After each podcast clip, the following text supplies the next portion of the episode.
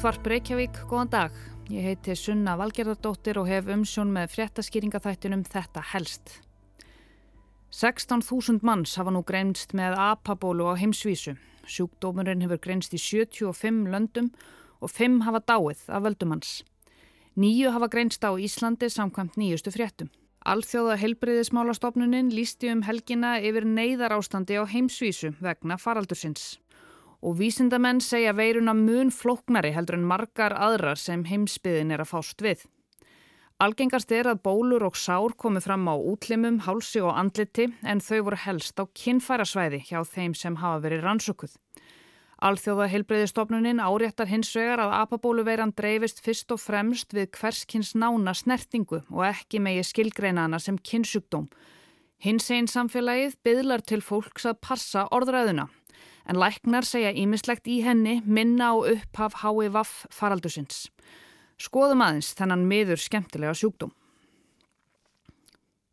Apabóla eða monkeypox er veiru sjúkdómur landlægur í mið- og vestur Afriku þar sem veiran smittast helst frá nagdýrum í fólk.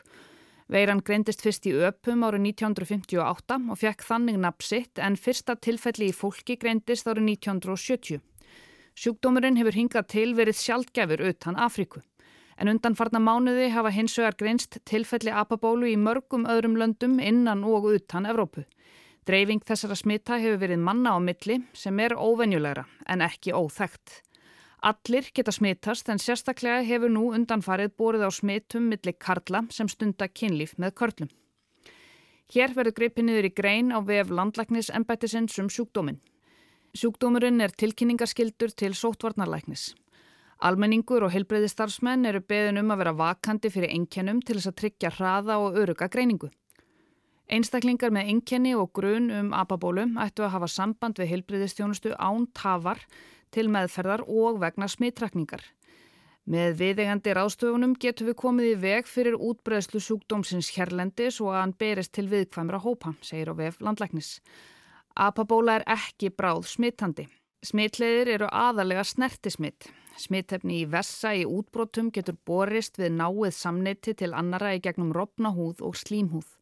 Veiran getur einnig lifað lengi á þurru yfirborði í einhverjar vikur eða jafnvel mánuði og þannig borist með fatnaði, rúmfötum eða handklæði frá síktum einstakling. Drópasmitt getur einnig borist frá öndunarvegi þess síkta. Þannig er verið að tala um munvatn, hosta eða hnerra við náinn samskipti. Ekki er vitað til þess að veiran hangi í loftinu og smittist þannig með úðasmiti eins og við þekkjum til dæmis með COVID. Og förum nú aðeins út í hinn miður skemmtilegu enkenni apabólunar. Frá smiti þar til enkenna verður vart líða venjulega eina til tvær vikur en getur verið alltaf þrjár vikur. Dæmigert er að enkenni séu flensulík í byrjun, þar að segja hiti, þreita, vöðvaverkir, höfuverkur og bakverkur en tveimur til Þremur dögum síðar koma fram útbrot sem oft fylgir kláði og óþægindi. Einni geta fyllt auðmir og stækkaðir bólgnir eitlar. Útbrotin eru fyrst flöt en síðan myndast bólur og loks blöðrur sem eru vökkvafylltar. Útbrotin geta verið fá og staðbundin eða útbreytt og þá einnig á höndum og fótum. Í núverandi faraldri hefur borið á útbrotum í kringum kinnfæri jafnvel á undan flensuengjunum. Blöðrurnar þotna, lokum og mynda sár með hrúðri. Þegar blöðurnar þorna og útbrotin gróa þá er einstaklingurinn ekki lengur smittandi en ferli getur tekið allt upp í fjórar vikur. Útbrotin líkjast hlaupabólu eða sárasótt en alvarleg veikindi eru sjálfgæf og oftast gengur sjúkdómurinn yfir að sjálfu sér án meðferðar. Apabóluveiran þólir vel þurrk og getur lifað lengi á hrúðskorpum frá útbrotum síktra svo sem á rúmfötum og handklæðum og í umhverfinu. Veiran er hins vegar viðkvæm fyrir algengum sóttrensinarefnum, til dæmis klórblöndum, handspritti, persíruefni og hún drefst einni við hefbundin þvott í þvottavil við 60 gráðu hitta. Til að minka líkur á smiti og útbreyslu smita skaltu, forðast kynlíf með mörgum ókunnugum einstaklingum, fara í einangrun eða færð enginni sem geta bent til apabólu og hafa samband við hilsugjastluna símleiðis og þú skalt fylgja leiðbenningum um þú hefur verið í nánd við einstakling með enginni eða útbrott sem síðar greinist með apabólu. Og þannig er nú það. Síðustu fregnir herma hérðan innanlands að nýju manns hafi greinst með apabólu. Sótvarnarleiknirinn Þórólfur Guðnarsson hefur tilkynnt að við fáum bóluefni lánað frá vinum okkar dönum Þar sem við höfum ekki enn fengið sendt bóluefni hingað þar sem við pöntuðum, við pöntuðum um 80 skamta. En Danir ætla að lána okkur 40 skamta sem er ekkert voðarlega mikill og landsbyttalinn ætlar að sjá um bólusetninguna. Síðan erum við ennþá að býða eftir fleiri skamtum frá Evrópusambandinu. Það er ekki ljóst hvernar þeir koma en ég held að það fari nú að stittast mjög í það, saði sóttvarnarleiknir í samtali við Rúf fyrir helgi. Þetta er kunnulegt stef því miður en Þórólfur segir engar vísmendingar um að apabólufaraldurinn sé í rénun nema síður sé. Öll lönd heimsins eru nú að búa sig undir að bjóða bólusetningu og veirulif þegar það að kemur. Nú í byrjun júli skrifaði Markus Þórhalsson fréttamaður stutta fréttaskýringu um enginni apabólu en fyrirsögnin er enginni apabólu í Breitlandi ólík faraldrum í Afriku og ég ætla að fá hluta þessara fréttaskýringar lánaðan hér. Þeir brettar sem smittast hafa af apabólu sína enkenni ólík þeim sem fyllt hafa sjúkdómnum hinga til í Afriku. Þetta sína niðurstöðu nýra rannsóknar sem voru ofinberðar 1. júli. Bretland var meðal þeirra landa þar sem sjúkdómurinn skaut sér fyrst niður en þarlendir vísindamenn byrtu niðurstöðu rannsóknar sinnar í tímaritinu Lancet. Vísindamennir greindu enkenni sjúkdómsins hjá 54 karlmönnum sem höfðu stundað kynlíf með öðrum karlmönnum. Um 60% smittaðra á Breitlandi tilhyrðu þeim hópi undir lok mæ. Aðeins tveir þeirra vissu að þeir höfðu átt samskipti við einstaklinga smittaða af apabólu. Algengast er að bólur og sár komi fram á útlimum, hálsi og andliti en þau voru helst á kinnfærasvæði mannana sem bresku vísindamennir rannsökuðu. Þeir telja að það bendi til þess að sjúkdómurinn smittist við kinnmögg. Alþjóða heilbriðismálastofnunin áréttar hins vegar að apabóluveiran dreifist fyrst og fremst við hverskins nána snertingu og ekki megi skilgreina hana sem kynnsjúkdóm. Mun lægra hlutfall bresku sjúklingana en þeirra í Afríku fekk mikinn hita, yfirleitt voru einnkinin væg og vörðu í skamman tíma. Fimm þurftu að leggjast inn á sjúkrahús. Það 9. júni var umfjöllunum apabóluna í speiklinum á rás 1 þar sem Holmfríður Dagni Fríðansdóttir fréttamaður tók við tal við Þórólf Sotvarnalækni en þá hafðu einungist tveir grenst með bóluna hér. Smittleginnar eru við svona náinn eh, samgang, geta verið við með drópasmitti frá öndunavegi, geta verið við mikla snertingu á húð við útbrót og blöðurur, vessandi eh, útbrót. Þetta er það tvær leiði þannig að fólk sem er í þannig aðstæðum það getur smittast. Eru þeir mjög veikir? Nei, þeir eru heima og ekki mjög veikir. Þeir eru heima í einangrun og við þurfum eiginlega að hafa fólki í einangrun þar til að síðasta bólan er eh, gróin og þurr. Það geta liðið allt í þrjár, jafnvel upp í fjóra vikur þannig að það gerist. En eru margir í sóttkví? Nei, það eru ekki margir í sóttkví. Við setjum ekki fólki í sóttkví við þennan sjúkdóm. Þeir sem eru útsettir eru beðnum að fara í smitt gátt sem þýðir það að þeir geta gett allt sem þeir vilja nema með svona ákveðnu takmörkunum og og gæta bara að vera að einkennum eða þið fara að fá einkenni sem að getur passa við apabóluna þá eru þið beinur um að hafa samband við heilbríðskerfi. En það er lengri að það ekki meðgöngutími á þessu en til dæmis COVID sem við þekkjum? Jú, meðgöngutímin á þessu frá því að maður er útsettur og þá getur maður veikist það geta liðið svona venjulega eina til tværi vikur en allt upp í þrjár vikur. Þannig að þeir þurfa að vera svolítið á tánum aldrei lengi þessir sem eru útsettir? Já, já, það, það getur tekið svolítið tíma og þeir sem eru með smít að þeir þurfa að vera í einangurinu tölverðan tíma. Einangurinu er ekki alveg jafn stíf eins og í COVID, þeir sem eru með húð, útbrót og, og vessa, þeir þurfa að gæta vel að bólunum og, og geta svona aðeins meira um frjálst höfustrókið heldur en kannski í COVID en svona nokkurt veginn þurfa að halda sér til hljás. En býstu við fleiri smitum? Já, ég býst alveg fleiri smittum og ég held við megum búast því að sjá fleiri sem að greinist núna næstinni. En er þá líklegt að við þurfum að fara einhverjum skonar sóttvartantakmarkanir út af ababólu? Nei, það finnst mér nú ekki. Það eru tvö atriði sem að skipta höfumáli hér. Það er í fyrsta lagi að reyna að upplýsa fólk um það hvernig þetta smittast og hvaða aðstæður fólk þarf að forðast til þess að uh, komast hjá smiti og það er engum að forðast svona skindikinni, að náinkinni og kynli við ókunnuga og svo hinstaðin að þeir sem að fá útbrót, bólur, kinnfæri eða á, á kinnfæra svæðið að leita til helbriðskerfisins og fá greiningu mjög fljótt þannig að þeir fari ekki að smita aðra. En erstu með eitthvað svona tilmæli til fólks, til dæmis sem er að fara til útlanda, til dæmis með að þetta er snertismitt líka, þú ferð á leikuöll til dæmis með börnið þín, þarf þetta að vera svona meira á tánu með sprittið en áður eða ertu með einhver svona þannig tilmæli? Nei, það er ekki smithætta við slíkar aðstæður. Smithættan er þegar fólk er bara í mjög mikillir nánd í nokkur tím, langan tíma það er ekki vita nákvæmlega hversu lengi en það þurfa að líða allavega hálftími, klukkutími að ná nána snertingu og kannski innan tveggja metra í nokkra klukkutíma þannig að þó að maður hitti einhvern á förnum vegi sem er með ababúlu þá er mjög litla líkur á því maður smitist. Hefur ágjur á þessu? Já, ef þessu marki, ég held að þetta getur orðið íþingjandi fyrir þá sem í þessu lenda.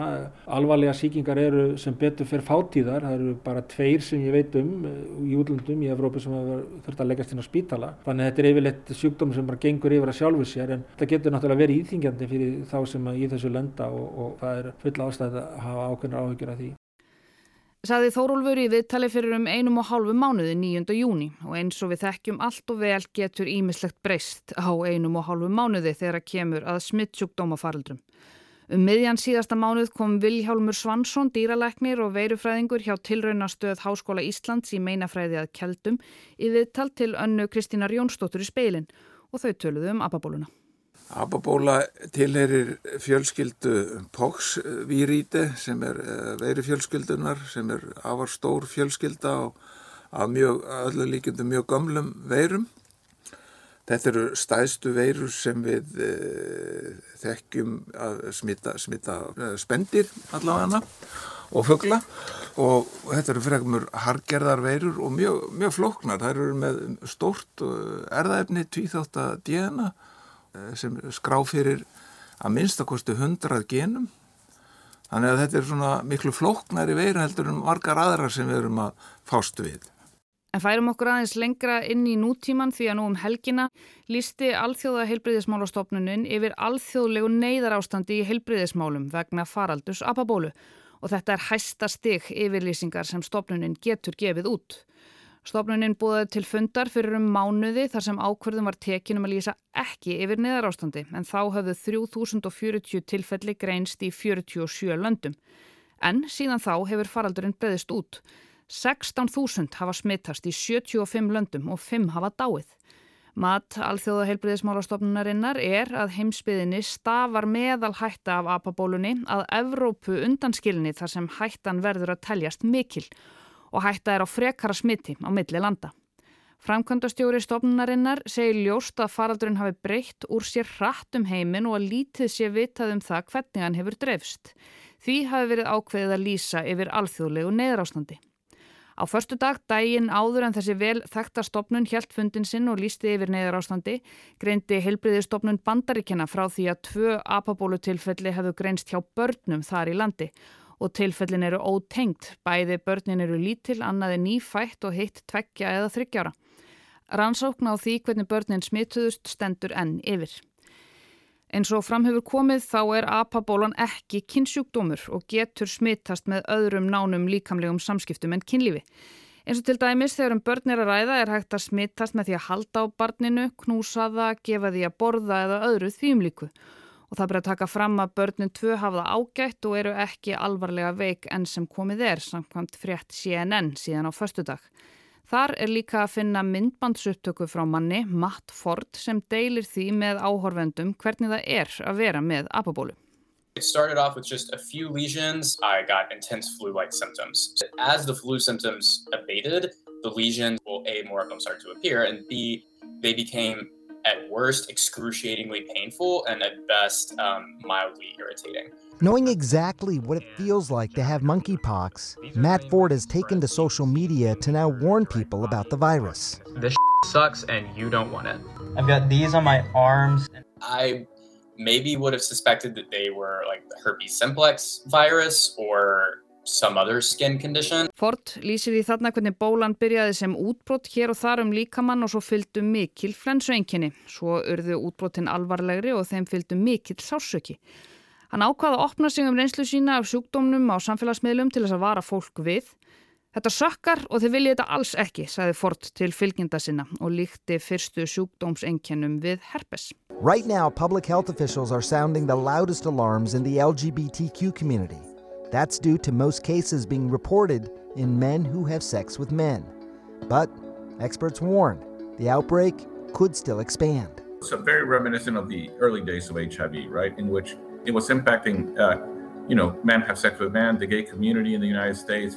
and it's almost like the general public were not paying attention. And, and then HIV became a disease that affected other people, it affected everybody, and then all of a sudden people got interested. Fréttamaður CNN saði þarna að heilbriðis yfirvöld væri að reyna að ná til hins einn samfélagsins varðandi apabóluna. En það er einfallega gert vegna þess að flest smitin eru að greinast meðal karlmanna sem stunda kynlíf með öðrum karlmönnum. En þetta getur breyst fljótt. Sérfræðilegnir saði þarna við CNN að þetta minni mjög á fyrstu daga HIV faraldusins. Þegar sjúkdómurinn virtist halda sig innan samfélags samkynneðra manna og þau sem voru ekki hluti af því samfélagi hegðuðu sér eins og þetta skipti þau eiginlega ekki máli. Síðan varð HVF að sjúkdómi sem hafði áhrif á alla og þá allt í einu varð fólk meðvitað um hættuna. Og þetta er alls ekki einfalt mál. Samtökjun 78 hafa átt reglulegt samtal við sóttvarnar yfirvöld hér til þess að finna leiðir til þess að auka fræðslu um apabólu en bæði helbriðis yfirvöld og aðrir hafa reynd að feta þröngan stíg á milli upplýstrar umræðu og að forðast fordóma gegn samkynniðum karlmönnum. Þórólfur sóttvarnalæknir saði fréttum um miðan júni að apabólan líktist kynnsjúkdómi en það saði hann einungis í ljósi þeirra smita sem höfðu greinst þá og þá höfðu bara þrýr greinst með sjúkdómin hér, allt karlmenn sem höfðu smitast í útlandum. Og þá saði Þórólfur Það gætu alveg átt eftir að koma upp tilfelli sem tengjast öðrum löndum eða jafnvel tengjast tilfellum hér innanlands. Þess vegna höfum við kvart alla og höldum áfram að hvetja alla sem sérstaklega hafa verið á ferðum erlendis og hafa verið í nánum kinnum eða einhverjum kinnlífsatöfnum með ókunnugu fólki og fyrir að fá þessi enginni, blöðrur á húð og blöðrur á kinnfæri, að láta vita af sér sem fyrst og fá greininguna þannig að þá er hægt að koma í veg fyrir frekari útbreyslu. Það má svona mörguleiti flokka þennan sjúkdóm eins og jafnvel kynnsjúkdóm þó að þetta sé kannski um margt öðruvísi en aðrir kynnsjúkdómar. Þetta sagði Þórólur en undirstreikaði að fólk þurfi ekki að hafa áhyggjur af því að smittast til dæmis í sundi eða á líkansræktastöðum. Engin þekkt dæmi séu um smitt af þeim toga. Að minnstakosti ekki enn sem komið er. Apabólufaraldurinn sem er orðið alþjóðlegt neyðarástand var helst í dag. Takk fyrir að leggja við hlustir og við heyrumst aftur á morgun.